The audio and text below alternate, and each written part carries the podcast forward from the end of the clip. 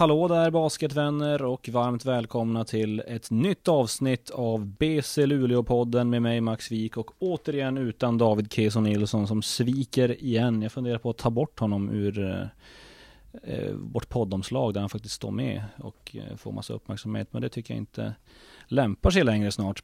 Eh, dagens gäst är eh, BC Luleås huvudtränare Peter Ökvist. Varmt välkommen. Tack så mycket. Känns eh, hedrande att få vara med. Vi sitter på ditt kontor nu, som eh, i alla fall var ditt kontor förut, numera poddrum. Eh, för just David Keso Nilsson. Vad har du för känslor kring det där? Eh, ingen är gladare än mig över, över schismen jag upplever mellan dig och Keso. Jag ser en, jag ser en möjlighet att få tillbaka mitt kontor här. Så jag, jag ser med spänning fram hur det, och ser hur det där utspelar sig. Ja, det förstår jag. Nu är du inne på ditt fjärde år som tränare för BC Luleå om inte jag är helt ute och cyklar. Hur trivs du? Suveränt faktiskt. Det är, eh, det är bra på, på alla plan, både yrkesmässigt och, och privat och med, med familj och ungdomsidrott och skola och alltihopa. Och sen känns det ju fantastiskt kul yrkesmässigt och i klubben. Jag tycker vi har eh, jag tycker att vi är inne i en bra trend just nu. Det är, det är bra go kring laget och, och det är många det är mycket energi runt föreningen och det, det, är bra drag på matcherna och, och uppe i arenan eh, sådär. Så att eh, det, det, är riktigt roligt nu faktiskt. Du flyttade hem efter att ha varit borta många år. Hur går det, går det att bli profet i sin hemstad då? Nej, nej framförallt inte Luleå. Ja, vi jobbar ju inte med profeter här uppe egentligen. Eh, så, och det har ju aldrig varit ambitionen heller, utan det var ju, det var mer en känsla av att, av att, det var ett läge då jag kunde hjälpa till och, och, och vända en trend helt enkelt. Och, och jag kände att jag kunde göra nytta, och det, men, men att det är hemstaden gör ju att det känns eh, eh, så mycket roligare att lyckas helt enkelt med, med så många bekanta runt omkring och så många, så många som man känner som, blir, blir, som man får dela glädje med utav att, att vinna basketmatcher och vinna mästerskap sådär. Och det går ju inte att komma ifrån det här guldet som, som nu eh, blev det första på tio år i fjol. Vad betyder det för dig att få, att få vara högst bidragande till det här guldet som var grymt förlösande för hela basket Luleå och Norrbotten tror jag?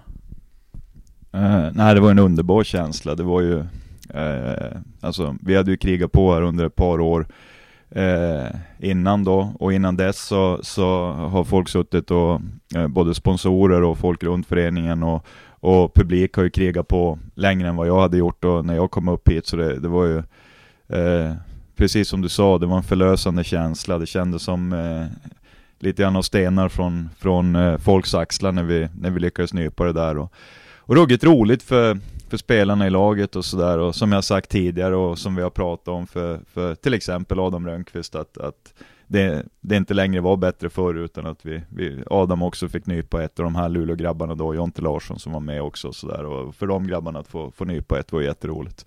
Så det var, det var en, eh, det var en härlig känsla helt enkelt. Nu ska vi göra som vi brukar göra i den här podden och det är helt enkelt att vi backar bandet riktigt långt bak eh, till alldeles början av din basketkarriär, redan när du började intressera dig för basket. Eh, kommer du ihåg hur det gick till när du, när du blev intresserad? Uh, ja, det kommer jag ihåg. Jag kommer ihåg jätte, jättenoga där. Det var, det var ju det var en individ som högg tag i mig. Alltså, det var, jag stod och sköt efter en fotbollsträning och, och en gentleman uh, från Höken vid namn Fredrik Röger högg tag i mig helt enkelt. Och tyckte jag såg lång ut för åldern och, och frågade om jag inte skulle börja lira basket. Och, och sen visade han ett brinnande engagemang i att lära mig grunderna den där sommaren då innan jag sen eh, innan jag sen när hösten och skolan började då eh, eh, upptäckte att eh, Gladan Basket och inte Höken var mitt upptagningsområde helt enkelt där när jag bodde på Porschen så så jag kommer mycket väl ihåg hur, hur, hur jag började och, och, det är ju intressant ur en rekryteringssynpunkt än idag att de, om man har unga drivna människor där som, som rent fysiskt eh, drar andra unga människor in i hallen och, och agerar som coacher så, så får man upp bredd och man får fler, in fler in i, i idrotten. För det var så jag började själv helt enkelt. Det här var nyheter för mig. Det hade kunnat vara hökare alltså idag. Det hade varit stort. Eh, nej, så du kan släppa det där leendet. Så nära har det aldrig varit. Alright. Eh, hur var det som spelare då? Eh, ja, hur var jag? Jag var senare, senare i karriären när man blev till vuxnare så var det ju inget snack om att jag var en eh, passa först eh, point guard helt enkelt. Men om man backar tillbaks bandet till lite yngre år och sådär, så då, då, gjorde man väl en, en del mål också. Men, men jag var spelfördelare, det är väl bäst, bästa sättet att sammanfatta mig, att, eh, att det, var det, det var det som var min styrka och det var det jag tyckte var roligt. Och efter Gladan blev det basketgymnasiet, visst. Hur var det? Eh, kul, lärorikt, bra, bra år. Eh, nej, det var, det var jätteroligt. Det var, var eh, så här, det är alltid kul att blicka tillbaka. Kjell Englund, Rune Karlberg.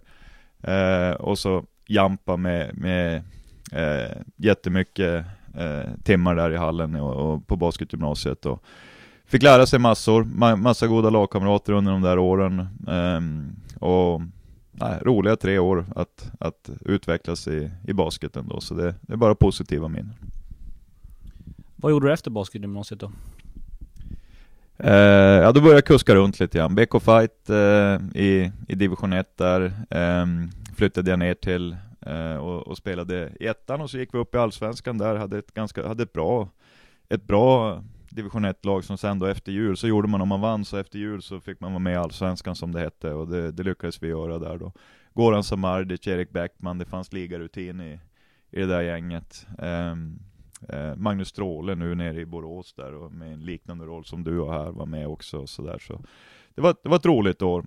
Uh, vart bara ett år dock innan, innan uh, uh, Umeå Nordics visade intresse och Jerry Selberg Ehm, som eh, som hade en ligasatsning på gång där. Så fick jag vara med på den resan och, och tillsammans med Jerry och folk i organisationen eh, byggde upp ett, eh, ett ligalag där då, så fick man vara med på den resan. Och så.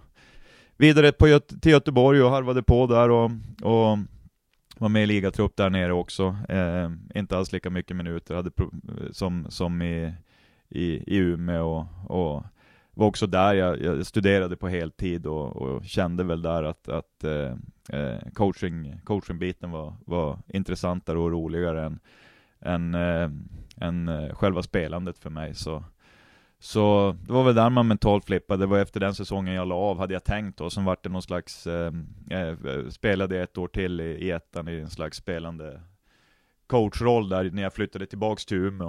Eh, Eh, men det var där, det var egentligen i Göteborg som man, som man vände och, och blev intresserad av coaching på, på heltid istället. Ehm, ja, ska jag fortsätta min monolog här? I så fall är det, eh, efter Umeå så, så kom jag in på GH då. Eh, flyttade ner till Stockholm, började då, jag pluggade i Göteborg och så fortsatte jag studera på heltid då i GH och tränar, tränarprogrammet där nere. Hjälpte till med ungdomslandslag, hjälpte till att coacha i Lidingö också, gjorde det under ett, vad var det, två eller tre år innan jag flyttade upp till, till Sundsvall då innan vi fortsätter att ställa frågor om det så vill jag bara fråga, hur, hur var det med Stråle egentligen? Kunde han lira eller? Jag är lite nyfiken. Uh, han kunde lira, han kunde skjuta i, han kunde skjuta i bollen, han var sniper där i, i, i hörnet. Tänk Paxson eller Kerr. Och, och du får vara Jordan i det sammanhanget eller? Absolut inte, mycket mer så här. Tänk mer Ron Harper med knä, efter knäskada. Jag förstår. Eh, vad pluggar du i Göteborg till att börja med? Det blir många eh, vad heter det nu, följdfrågor nu på den där monologen. Nej, det var, det var ett tränarprogram eh, på, på folkuniversitetsnivå, tror jag det heter. Jag tror utbildningen nu är inflyttad under Göteborgs universitet, eh, men då var det på, jag tror titeln var folkuniversitet. Det var, det var en skön utbildning alltså. Vi hade Ulf Karlsson var ju, var inom fotbollen och var Kviding och Fifa-utbildare. Eh, Sören Börjesson, eh, för folk som har, har koll på fotbollshistorik, så är det en gammal landslagsback och en Örgryte-legend. Ehm, eh, Henning Svensson, som har jobbat med Erik Hamrén, med, med både nutrition och en del eh, eh, mentala eh, bitar i ledarskapet också, var som en ledande figur i den där utbildningen också. Och tre, det var fantastiska lärare faktiskt, så, så det var ett jättebra år. Och sen var det GH sa du. Eh, vad, berätta mer om den utbildningen. Eh, bra utbildning, eh, också där. Alltså, som, det går ju som i omgångar och vad det gäller utbildning så ska man ju ha, det finns ju en struktur, men man ska ju ha lite, man ska ha lite tur med, med vilka lärare man har runt sig, och sen ska man ha tur med, med, med studiekamrater också. Och under mina år på GH så tycker jag att jag i min roll som, som eh, lagidrottare då hade ju, hade ju otrolig tur. Eh, med, med, med flera olika saker där. Alltså dels, dels lärare, det var en period när vi hade Lars Myggan Wallin som då var general manager för Tre Kronor som också var och, och hjälpte oss. Vi hade Lars Pil som var scout för U21-landslaget i fotboll. Um, och, och, och, väldigt insatt i, inom fotbollen som hjälpte oss. Vi hade Ingemar Linell som var förbundskapten i handboll under samma period. Ehm, H.C. Uh, Holmberg, som nu fortfarande jobbar åt SOK, eller har, har, har en, uh, och, och, har skördat framgångar med de aeroba idrottarna eh, under vinter-OS nu. Han, eh, han, eh, han har ju en bakgrund i Solna och sen innan nu helt där inriktad då mer mot, mot den aeroba expertisen då, men, men han hade ju en fot i båda lägren, så han kunde ju relatera till vart man kommer ifrån som, som baskettränare och sådär. Så att det var ju, man hade, jag glömmer säkert folk nu, men han, man hade fantastiska lärare. Och sen så kombinerat med det med, med många namnkunniga, eh, som idag är, är, väldigt namnkunniga tränare då, eh, som, man, som man studerade tillsammans med som man nu hittar omkring, runt om i, i hockeylag och, och på väldigt hög nivå i, i, inom simningen och i, inom eh, friidrott och, och, inom rodd och så vidare. Så att, eh, eh, nej, fantastiska år och där lärde, där la man, där la ju jag en otrolig grund av, över, som man har med sig än idag, som man lutar allt sitt, eh, sitt, eh, sitt coachbyggande vad det gäller träningslära, vad det gäller ehm, eh, alla de här grundläggande eh, sakerna. Träningslära, periodisering, kost, vila, eh, intensitet, puls, eh, vad, vad, man helt enkelt håller på med dagligen. Det var där man byggde grunden för, eh, för alla de bitarna. Det låter som att du har inte bara ett stort basketintresse utan även för ledarskap. Eh, hur skulle du beskriva dig själv som ledare? Oh, det där är ju det är jättestora frågor alltså så, här, så hur, om man, om man vill bli beskriven som ledare, det, det som, man vill som aldrig göra det själv, utan då är det bättre att, eh, eh, då är det bättre att fråga eh, spelare man har haft under lång tid. Kanske, kanske spelare man har haft tidigare som inte längre eh, vill ha ett kontrakt nästa år, och det är väl de som kan, det är väl de som är, eh, eller gamla kollegor, det är väl de som är, eh, som är bäst att fråga. Ehm, det, så att ledarskap, det är ju, och det är ju väldigt brett ledarskap. Alltså en, förmiddags, eh, en förmiddagsträning med, med BC Luleå eh, är en typ av ledarskap. Att ha, att ha eftermiddagsträning med Brooklyns pojkar 09, eh, det är en annan typ av ledarskap. Och sen så den, det, det flest människor ser, eh, det är ju ledarskap under match i, i, i ligan, och det är ju ofta det, det är den mest extrema situationen man, man ser där. Så att, så att eh, ledarskap, det växlar ju, man, man pendlar ju både i vilken typ av pedagogik som används, vilken kommunikation i, i, i alltihopa. Och, och, så, eh, så det är, väldigt, det är en otroligt bred fråga att svara på. Eh, skulle du be mig säga ett ord, så inte vet jag, då är det lärare som kommer närmast. Hur tror du att andra beskriver dig då, de som har haft dig? Ja, det är, som jag sagt, du får, du får fråga dem alltså. Du, du får fråga dem. Där har du ett nytt poddavsnitt kanske. Exakt, du får gå igenom en, en 20-30 eh, gamla adepter. Eh, håller du kontakt med några av de här eh, ledarna som du har utbildat dig tillsammans med? Ja, det gör jag. Flera, flera utav, eh, flera utav dem håller jag kontakt med än idag. Uffe Lundberg och jag, eh, som, eh, som eh, nu har tagit över Södertälje Hockey, vi, vi pratar regelbundet. Patrik Kärrdal nere på spårvägen löpning, pratar regelbundet.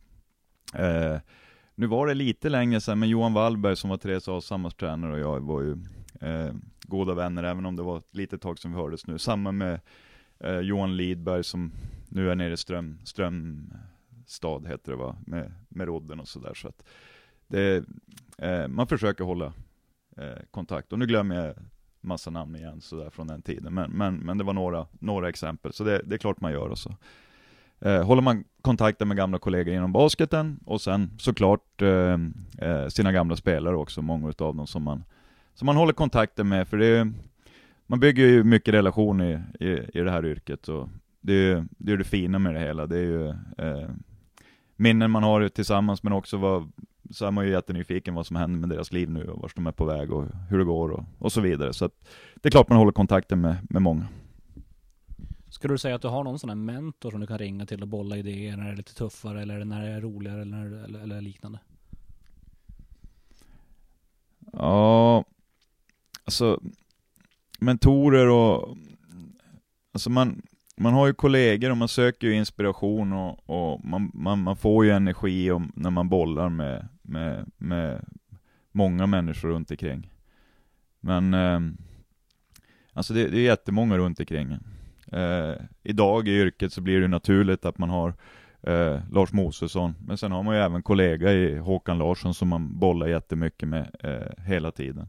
Och sen så är det ju eh, före, före detta kollegor man har jobbat med, men även coacher runt omkring.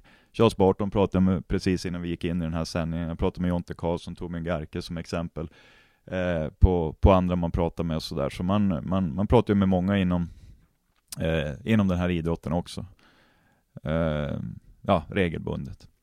Är det någon sån här specif specifik mentor som jag har? Nej, inte, så inte i den rollen. Men däremot så var jag väldigt glad över att jag eh, hade Rolf Våfflan eh, Nilsson när jag började. När jag var rookie coach så, så satte de ihop oss och det var, eh, eh, det var väldigt nyttigt för mig och, och, en, och en fröjd att ha, så jag är väldigt tacksam för dem. De där träffarna, de telefonsamtalen och de middagarna under, under mina första år som headcoach. Hur mycket av spelaren Peter Ökvist ser vi i tränaren Peter Ökvist då? Uh, ja, det är nog inte så mycket. Tror jag. Jag tror att, alltså jag uppskattar ju fortfarande en, en, en, eh, en schysst assist. Jag kan ju, jag kan köpa en turnover om jag, om jag såg att, vad som, att, det var att det var någonting. Så, så kanske, jag, kanske tillåter jag en, en, en extra passning eller, eller vill ha, vill ha eh, många assist i spelet. Men i övrigt så, så tror jag det, det är väldigt lite som, som utav, min, utav spelaren som man ser i, i ledarrollen. Eller å andra sidan, jag tyckte om att vinna då också, eh, och, och sådär, så att själva tävlingsmomentet och tävlings eh, tävlings eh, kampmoralen fanns väl där också som spelare. Just det. Och sen var det Sundsvall Dragons. Hur, hur gick det till när du blev rekryterad dit? Det var Kricke Stjernborg som fick jobbet som headcoach som jag då jobbade med tillsammans eh, eh, och assisterade i, i ungdomslandslag då.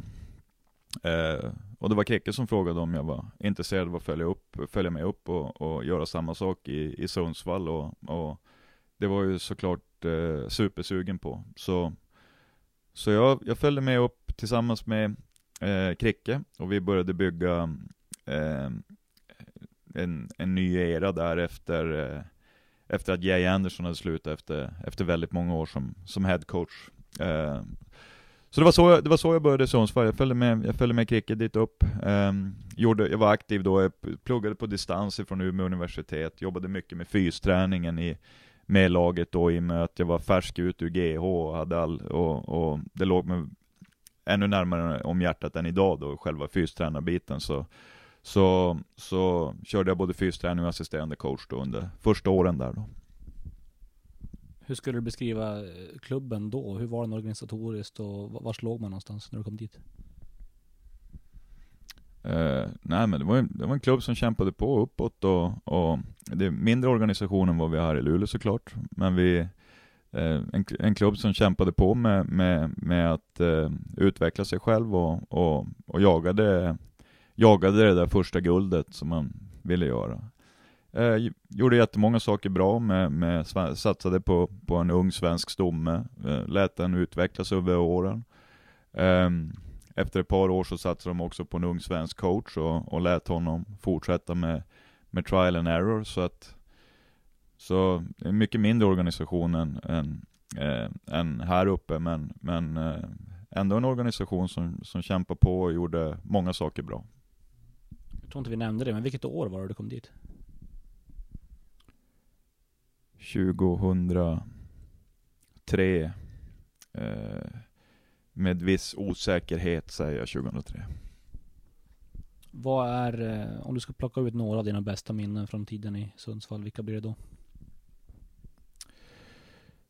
Eh, man har jättemånga minnen från spelare och goda stunder med spelare. Man har ju haft många utav, alltså man har ju haft jättemånga roliga minnen från tiden med, med Mike och Jocke och Tvill, Kjellbom där och Tvillingtornen och sen Alex Westby, Sergian Subotic, eh, Liam Rush.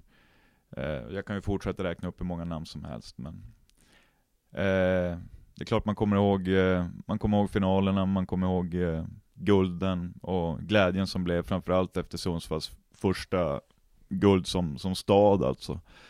Eh, och, och, eh, och glädjen kring det. Eh, men sen kommer man ihåg Pippen-matchen också, många av evenemangen som har varit när, när Robert Berg levererade matchboll i, i, med, med Elitloppshäst in i hallen och det är massa sådana här andra saker runt omkring som man kommer ihåg också. Hur skulle du säga att du har utvecklats som tränare under de här åren? Har det hänt mycket med dig eh, i din, i din ledarstil och, och som tränare? Eh, ja, det har ju hänt. Det har hänt massor.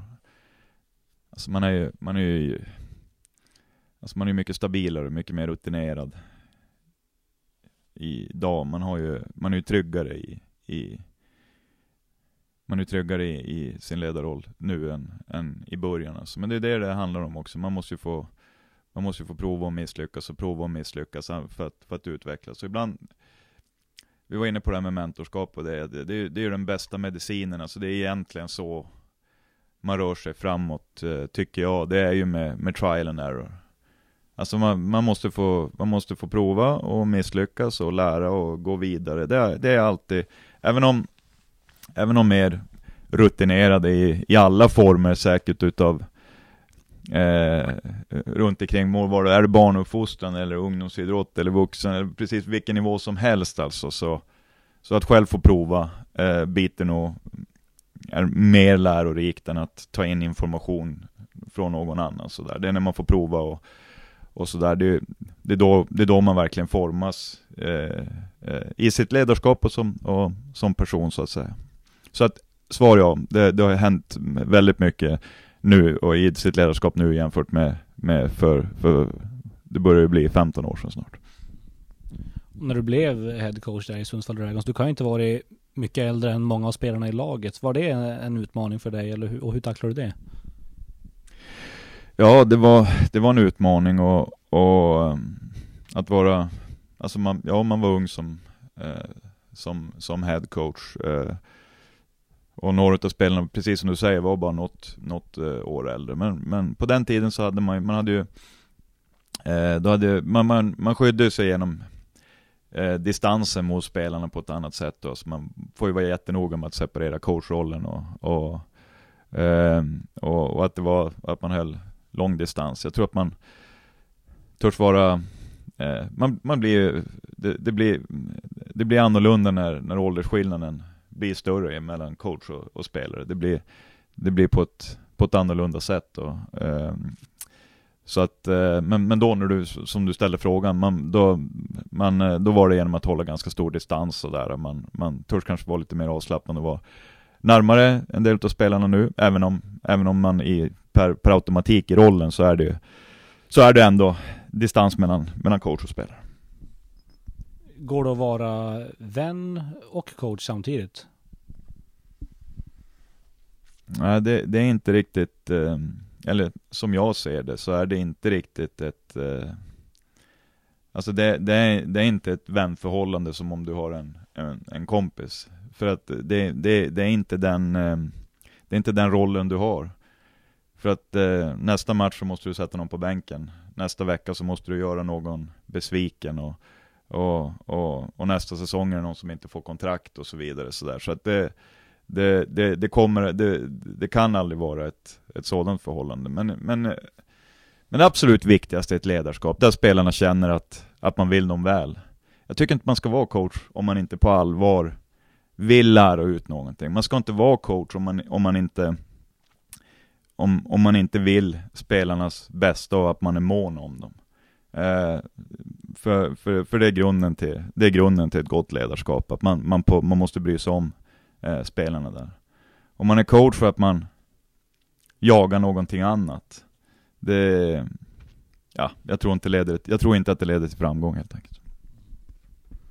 Och under dina år i Sundsvall så började du värva isländska spelare till basketligan som inte riktigt fanns så mycket av tidigare. Eh, hur gick det till? Och, och, du har ju fått liksom en, en ganska stark relation till isländsk basket efter det. Ja, du hoppade över ett steg. Du glömde Australien, den australiensiska trenden först. För först upptäckte jag att, eh, att eh, det, det satt ett, eh, Australien har ju kommit starkt med sin liga och basket egentligen. Eh, det har ju alltid funnits där, men det började någonstans i sam, samma, faktiskt samma veva som våran liga där, 92, 93, 94. Eh, då Australien visste att de skulle få Sydney 2000 OS. Och eh, Australian Institute of Sport började satsa enormt på olympiska idrotter, varav basket var en, kombinerat med uppstarten utav NBL där då. Eh, och sen så längre fram när de har, Australien har nått en hög nivå och producerar mycket spelare och, och, och har god kvalitet på, på det de gör så, så upptäckte jag också att tack vare hur, hur Australien är med, med, går du tillbaks två generationer så hittar du ju väldigt många med europeisk koppling och eh, som också hade dubbla pass eller möjlighet till det. Så, så före islänningarna var det faktiskt australiensare i form av Michael Kingma, eh, Pero Vasiljevic och den mest namnkunniga som de flesta kommer ihåg här i Sverige är Liam Rush också. Eh, som exempel. Eh, och sen efter det så, så svar ja, då var det islänningar och det började ju med Det började med Jakob Sigurðsson Som eh, eh, var ledig efter att han eh, Han eh, hade bra karriär i, i eh, collegekarriär eh, borta i USA. Jag kommer ihåg honom, eh, att jag, jag, tror att det första gången jag såg Jakob spela, det var i en landskamp mot Sveriges 82 år med Micke Lindqvist bland annat då. Eh, och, och Jim Nyström.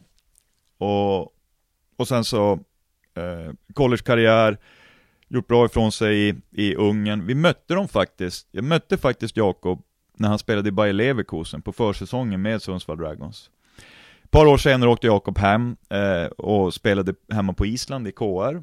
Eh, och sen eh, eh, sökte väl Jakob efter en miljö där han kände att han skulle få en, en bra, alltså en stabil situation och en lite större roll.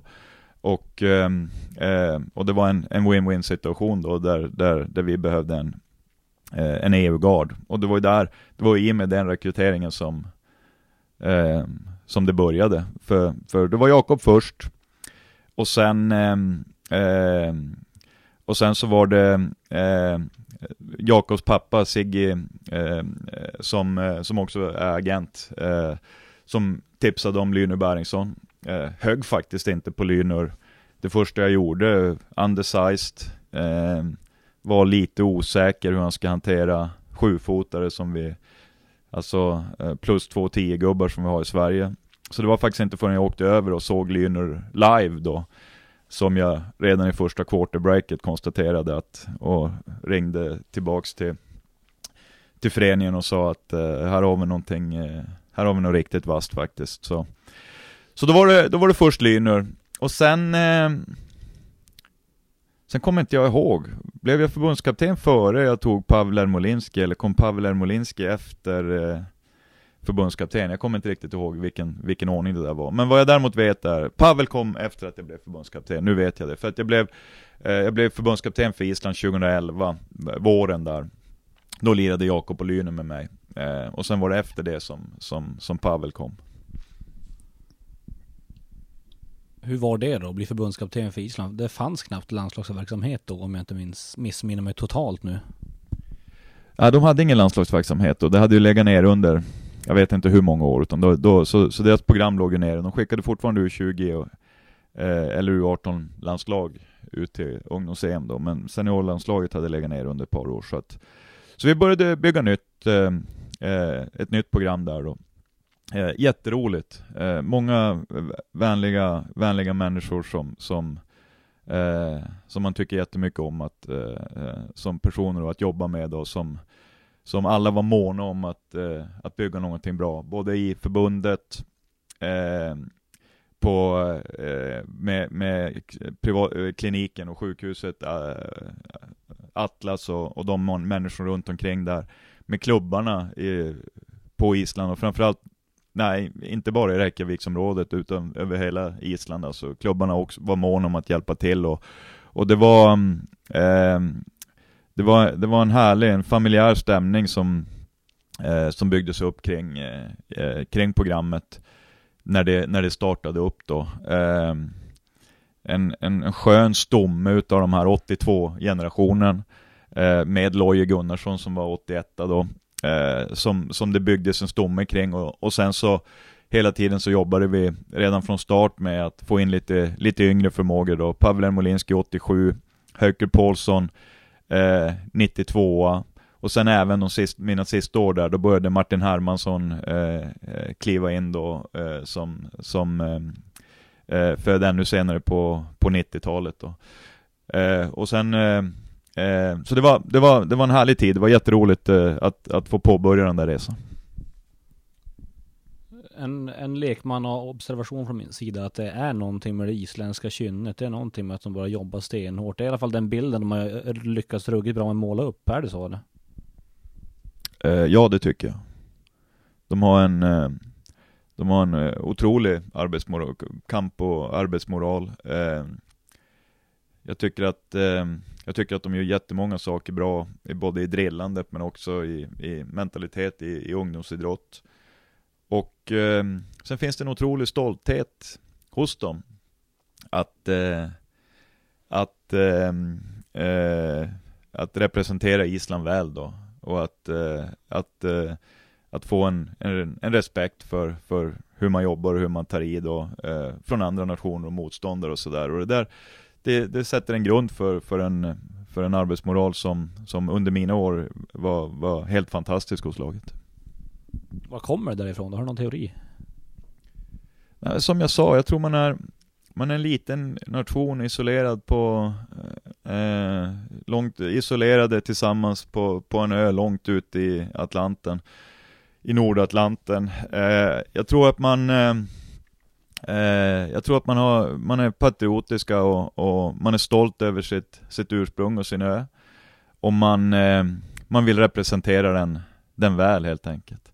Sen tror jag det finns en förståelse också för att, att eh, större nationer med fler, fler eh, med större upptag eh, sannolikt då kommer ha väldigt mycket talang, men de ska då inte slå oss enkelt i alla fall. Vi ska, vi ska kämpa om det. Att det är den mentaliteten.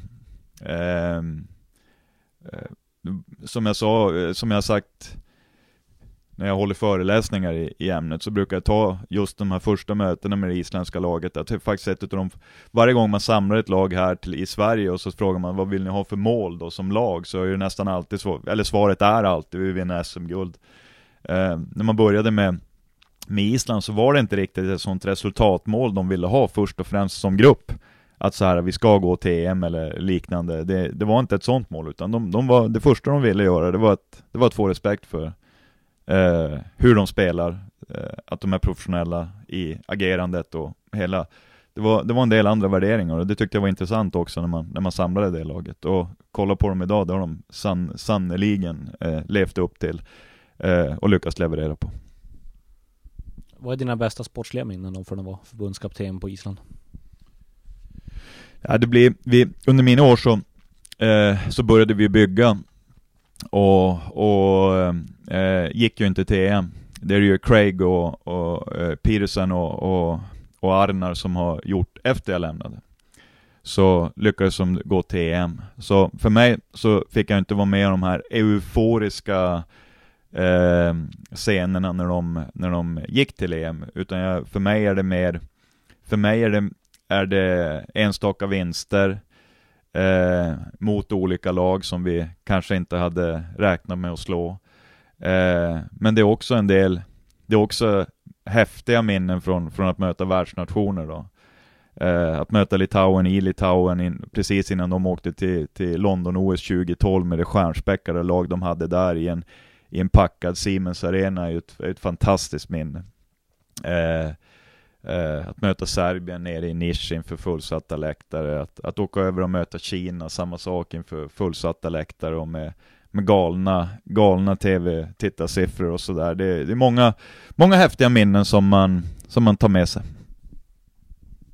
Skulle du vilja vara förbundskapten för ett landslag igen i framtiden? Jag vet inte, det får, man får, jag vet inte. Det, det, som, jag, som, jag, som jag alltid svarar när jag får den här frågan, att jag, jag har fullt upp med, med, med vårat gäng. så så det, allt fokus är där. Så, så eh, jag, jag, tänker inte på något annat än att, att eh, eh, vad vi ska göra i, ikväll med BC Luleå nu. Eh, hur vi ska, hur vi ska formulera våran härliga Kiruna-tripp på bästa sätt med, med träning och med, med PR och våra uppdrag och det är där allt fokus ligger, det är den dagliga här liksom så att, så att det finns bara det för mig just nu. Och någonstans efter det där så lämnar du Sundsvall Dragons. Eh, varför valde du att göra det? Um, ja, jag kände att jag var klar. Uh, jag kände att, jag, kände att jag, var, jag, jag var klar, jag hade som nått eh, vägs ände där. Eh, för, att, för att fortsätta utvecklas för att fortsätta utvecklas som människa och som ledare och i min yrkesroll och sådär så, så behövde jag nytt. Så jag, jag sa tidigt där i januari 2014 så meddelade jag föreningen att det skulle vara det sista jag gjorde eh, eh i Sundsvall. Jag tackade nej till Island också då, då, eh, då vi skulle ha vårat, jag och Linda skulle ha Milla, vårt tredje barn då. Eh, och eh, kände att det var tufft att lämna Linda med, med tre ungar över sommaren. Eh, den 2000, ja den sommaren då. Så, så eh, så det var, det var ett par stora beslut där, att tacka nej både till Island och, och, och lämna Sundsvall under den, under den våren. Eh, men jag kände att jag behövde, kände att jag behövde något annat för att utvecklas då. Men det var på nervösa månader där när man då man var, man var helt tom, det, pappret var, var blankt, man visste inte alls vad man skulle vad man skulle göra faktiskt, så det var, det var, det var en nervös tid kommer jag ihåg. Och då seglade dåvarande Elf Basket upp som ett alternativ. Vad, vad fick dig att vilja komma hem? Um, Nej, det, det, var, det var lätt att tacka ja. Eh, för att, som jag sa tidigare, att jag, eh, man gick ju där blankt, så man var ju jätteglad för att få förfrågan helt enkelt. Eh, men sen eh, så kändes det också som att det skulle kunna vara en win-win för att jag kände att jag kunde hjälpa till, att det var, eh, att jag kunde göra nytta och att det var en bra match med, med uppgiften alltså. Eh, vad, vad jag hade gjort tidigare, vad jag kände behövde göras eh, tillsammans med, med alla här i föreningen då. Så att det, var, det, var, det var en bra tidpunkt, så det, det kändes eh, det kändes som att jag kunde göra mycket nytta, så det var, det var, det var kort betänketid på den. Idag, nu får du rätta mig om du inte håller med mig i det här, men eh, idag så skulle jag vilja säga att du är ganska starkt förknippad med den positionslösa basketen och en, en eh, högoktanig basket med, med aggressivt försvarsspel och så. När började du eh, fatta tycke för det här sättet att lira basket på? Ja, det finns, det finns både kort, lite, lite kortare och lite längre svar på det där. Sånt där är ju alltid intressant att filosofera över och vad, när man fick inspiration till saker och ting. En, en sån här övergripande sak var ju att eh, Jocke Kjellbom lämnade eh, Sundsvall för Norrköping eh, inför 2008-2009 säsongen. Så när Jocke gick till Norrköping, så det första man gör då per automatik, det är ju att man, man går ut och försöker då eh, rekrytera en 2.13 lång rörlig spelare som kan eh, som kan dribbla upp bollen, som sköt 40% på treorna, som kunde posta och snittade 18-10 eh, och det, det var ju helt omöjligt. Så vad gör man nu då? Ja, då, då måste man, man måste ju ändra spår. Eh, man måste hitta en annan edge på motståndarna, man måste byta riktning på, på, på det där. Och på den tiden så var ju Norrköping, det var ju fler lag som var ganska, in, vi hade ju varit storvuxna, och det var ju fler lag som, som hade lite stora pjäser. Så att rent, eh, rent för att eh, effektivisera budget och rent ekonomiskt så, så handlar, det om, handlar det om att hitta en annan väg till att bli eh, till att bli vassare än, än de andra lagen. Och, och, det var ju ett sånt stort beslut att börja gå mot, mot eh, eh, Eh, en kvickare, aggressivare, mer positionslös basket. Eh, vad mer? När, när börjar man bli inspirerad av sånt där? Men det är ju saker man har, det är saker man har sett de gånger, om man, om man backar tillbaks alldeles så kanske hittar du det redan första gången, kanske hittar du det första gången redan när du spelar bara, eh, vad hette det? Hette det inte basketbollens dagar, hette det Barents eh, Basketball Games hette det. Då man redan som yngling, för jag kommer, kommer ju aldrig glömma första gången ryssarna, ryskt lag blev över. Och, och man själv hade fina Nike-dojor och, och de, de hade sån, i princip fortfarande tygdojorna på sig. Och man kunde dribbla mellan benen och, och, och, och, och bakom ryggen medan, medan de sprang och gjorde högerlejas på uppvärmningen. Men sen gick bollen upp och, och det stod 22 till dem och jag tror inte de hade tagit en enda studs på planen. Pang, pang, pang, pang, pang och hela gänget var två meter långa. Så kanske redan där man blev inspirerad över något som, över en effektiv basket som piskade upp Vissa hävdar att det idag i svensk basket finns två läger där BC Luleå får representera det andra, eller det första, där vi är ansiktet utåt för den här basketen som du gillar att spela. Och ett annat ska då vara eh, lite mer inspirerat av eh, Vedran Bosnic, Södertälje, Adnan Chuk, Norrköping. Håller du med om den här uh, synen? Är det så? Uh, nej, det finns ingen, uh, det finns då ingen lägerbildning från min sida. Jag, jag, vill att vi slutar prata om läger. Det är oeffektivt för svensk baskets framgång. Det, det är inte effektivt att hålla på med, med att, att dela in i lager. Det, det minimerar eh, och eh, distanserar. Så, att, så det tycker jag, eh, det tycker jag vi bör eh, sluta med helt enkelt. Sen är det så, sen pratar man sådär om, om, eh, om att det skulle vara en, en Balkan-inspirerad och, och Jonte Karlsson nämnde en fin benämning på Eh, en baltisk inspiration. Det, det, är en jättefin benämning på, för balterna, både letterna och, och litauerna har, är ju fantastiskt duktiga på en, på en ganska enkel, aggressiv, penetrera och kicka basket. Så att, så att det är som inget fel i benämningarna sådär. Men samtidigt så tittar man på eh, Tittar man på, jag har ju själv varit med om att få stryk med, med 40 poäng mot, mot Serbien borta. Och inte var, det är inte set place man åker dit på, det är ett högt tempo, en, en, en aggressiv basket utav världsklasspelare. Och samtidigt så tittar man på Djordjevic i Bayern München nu, och, och, vilket jag tycker är en, en inspirationskälla över innovation också. Så att man, jag, tror det, jag tror det är farligt att försöka dela in. Jag tror att eh, man, man inte Eh, jag tror man mår bättre av att, av att inte göra det. Eh,